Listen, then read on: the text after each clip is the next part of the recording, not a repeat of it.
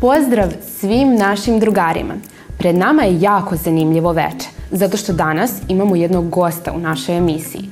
Moje ime je Ana Milak i danas ćemo razgovarati o fizičkom vaspitanju u školama.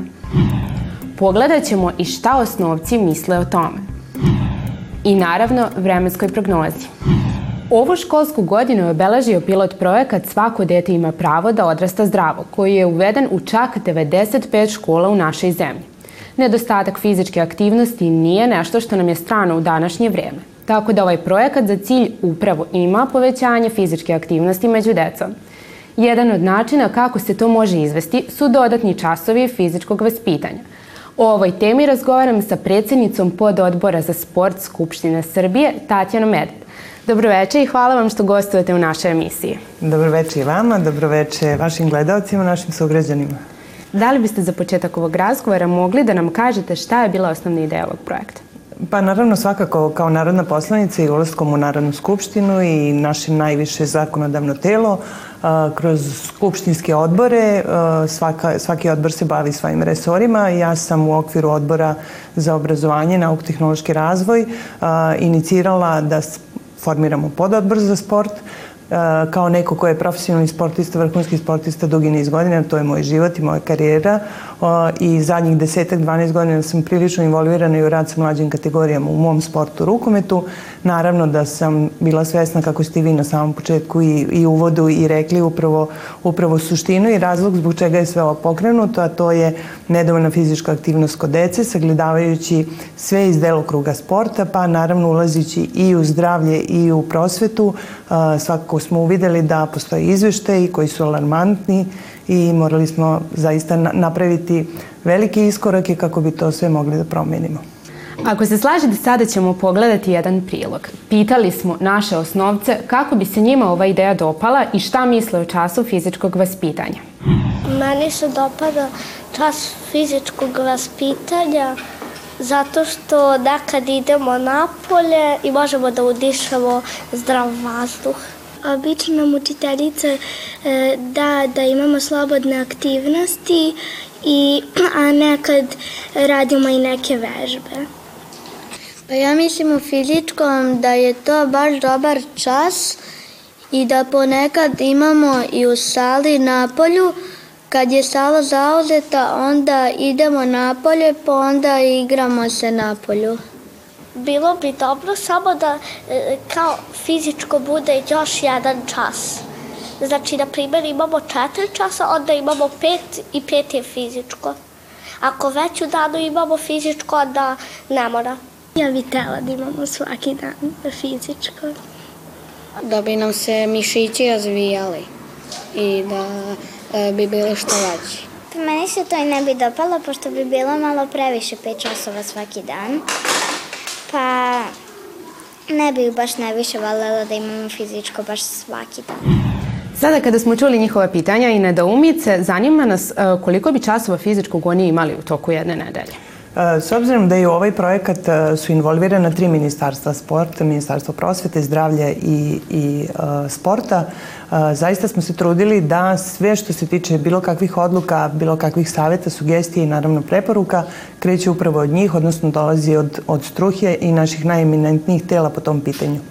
Kada njih pitate, svakako da je fizička aktivnost jedan čas dnevno kod svakog deteta bitna, samim tim i nastava fizičkog vaspitanja kao naše jedino orođe gde možemo deci da obavezno uvedemo fizičke aktivnosti je nastava fizičkog vaspitanja i zdravstvenog i s tim u vezi je zaista jako neophodno da svakog dana sva deca imaju po jedan čas fizičkog, odnosno minimum 45 minuta aktivnosti.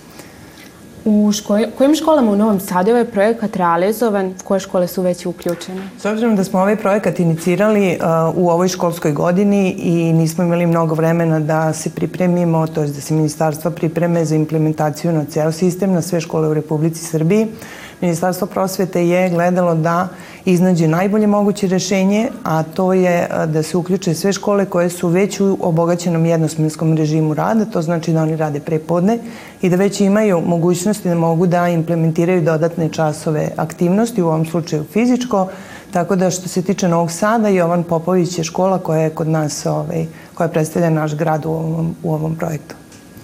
Jedno od glavnih pitanja naših osnovaca je bilo da li to znači da će svaki dan imati jedan čas više ili da će imati četiri časa pa da će im samo biti dodat taj peti umesto nekog predmeta. Da, s obzirom da sam i neko koji je, kako sam rekla na početku, i član odbora za obrazovanje, ove, upravo se i na tu temu diskutovalo sa ministrom prosvete. Bitno je da imaju svaki dan jedan, jedan čas. I ako neko ko je starija generacija od njih i neko ko je to prošao i zaista imao svaki dan svakodnevne aktivnosti i danas sam sa 50 godina prilično aktivna da mogu da sam na terenu sa njima, to znači da im samo može doneti benefiti i o, svakako uticati na njihovo zdravlje, a kasnije ne samo da budu dobri sportisti, nego da budu pravi ljudi i zdravi ljudi. Tako da dalje će biti 4 plus 1. Mislim da je e, ministarka prilično zainteresovano prihvatila, prihvatila ta, tu sugestiju. Čak je o tome govorila i na uh, sajmu obrazovanja u Beogradu, tako da možda imaju neke šanse da bude 4 pa plus 1. Ali u svakom slučaju ne treba da odbijaju i ne treba da, da se negiraju da je to za njihovo dobro, pa makar to bilo i kao peti ili šesti čas. I za kraj možete mi uh, reći kako ovaj projekat može pomoći deci i šta, je, i šta je u daljem planu? Apsolutno, kada pričate ono što, što je najbitnije i o čemu i mi kao sportisti i sportske struke, uh, naravno uh, struka i zdravlja, preporučuju ne samo deci, nego i odraslima, čak i srednjim generacijama i, i tvojoj generaciji, ako tako ovaj, mogu da se izrazim, da su nam fizičke aktivnosti neophodne za naše a, motoričke sposobnosti, kognitivne sposobnosti, za našu koncentraciju, pažnju, pa čak i sada kada dolazimo u neki period, ajde da kažemo, srednje škole, kada smo pod stresom, da li zbog prevelikog broja časova, zbog čega god, uvijek nam te fizičke aktivnosti pomažu da izbacimo taj negativni stres. Što se tiče zdravlja, apsolutno je bitno da, da, ovaj, da nam pomažu, da naravno čitav proces, mehanizam našeg tela se pokreće, vodi nas ka zdravom načinu života, izbacujemo sve što nam je negativno, izbacujemo sve što, ovaj, što je višak na nama, utiče posebno ovaj, kod dece mlađeg uzrasta na, da ne ulaze u gojaznost, da ispravljaju kičmu, ravna stopala i sve ono sa čime se današnje generacije susreću. Hvala vam na ovom razgovoru i nadam se da će ovaj projekat nastaviti da se realizuje i da doprinosi poboljšanju fizičke aktivnosti. Hvala i vama. Došli smo do trenutka emisije kada ćemo saznati sve o vremenskoj prognozi za sutrašnji dan. Nisam sigurna kako nas vreme očekuje sutra, s obzirom da je bilo zaista toplo za ovo doba godine prethodnih dana, a sve informacije o tome ćete saznati od naše koleginice Elene Price.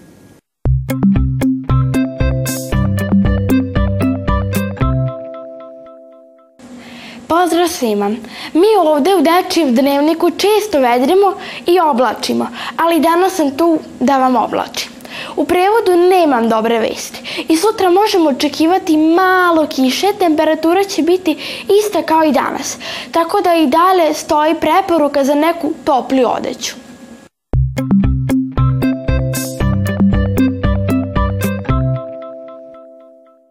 Došli smo do kraja današnje emisije. U duhu svih tema o kojima smo razgovarali danas, ostanite fizički aktivni i ne zaboravite koliko je to važno, kako za vaše telo i razvoj, tako i za vašu glavu i mentalne sposobnosti. Vidimo se već sutra. Doviđenja!